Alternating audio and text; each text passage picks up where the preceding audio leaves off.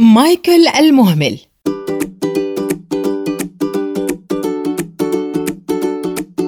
كان يا مكان في سالف العصر والأوان كان هناك ولد صغير يسمى مايكل معروف عنه الإهمال وكرهه للنظافة والاستحمام. كانت والدته تعاني معه أمر المعاناة حتى يغسل وجهه في الصباح بالصابون أو ينظف أسنانه أو حتى يرتب سريره بعد الاستيقاظ من النوم. كان مايكل كلما لعب مع الأصدقاء يهربون منه بسبب الرائحة الكريهة المنبعثة من جسده وفمه. وكانت المعلمة في الفصل توقفه كل يوم إلى جوار الحائط بسبب سوء منظره واصفرار أسنانه ورائحته الكريهة.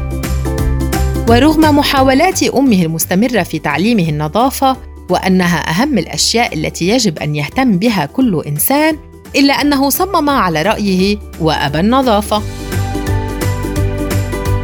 وفي يوم من الأيام استيقظ مايكل ليذهب إلى المدرسة كالعادة فوجد أن نافذة غرفته مفتوحة وبدأت أشياؤه الخاصة تتحرك وتهرب منه إلى الخارج عبر النافذة. فرأى مشطه وفرشاة أسنانه وسريره ووسادته وكتبه وكل شيء في الغرفة يهرب منه. ثار مايكل وغضب وبدأ في ملاحقة كل ما هرب منه حتى جرت أشياؤه نحو النهر.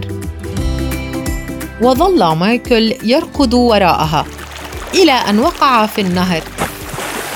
فبدأت الليفة والصابونة تغسل جسمه وبدأت فرشاة الأسنان تنظف أسنانه وبدأ المشط ينظم شعره حتى خرج من النهر وهو مستحم ونظيف وتنبعث منه رائحة جميلة. وحينها مر أصدقاؤه إلى جوار النهر ذاهبين إلى المدرسة، وعندما رأوا مايكل وقد أصبح نظيفاً، استحسنوا منظره الجديد وشجعوه على الالتزام بالنظافة العامة يومياً، لأنها من أهم الصفات التي يجب أن يتحلى بها.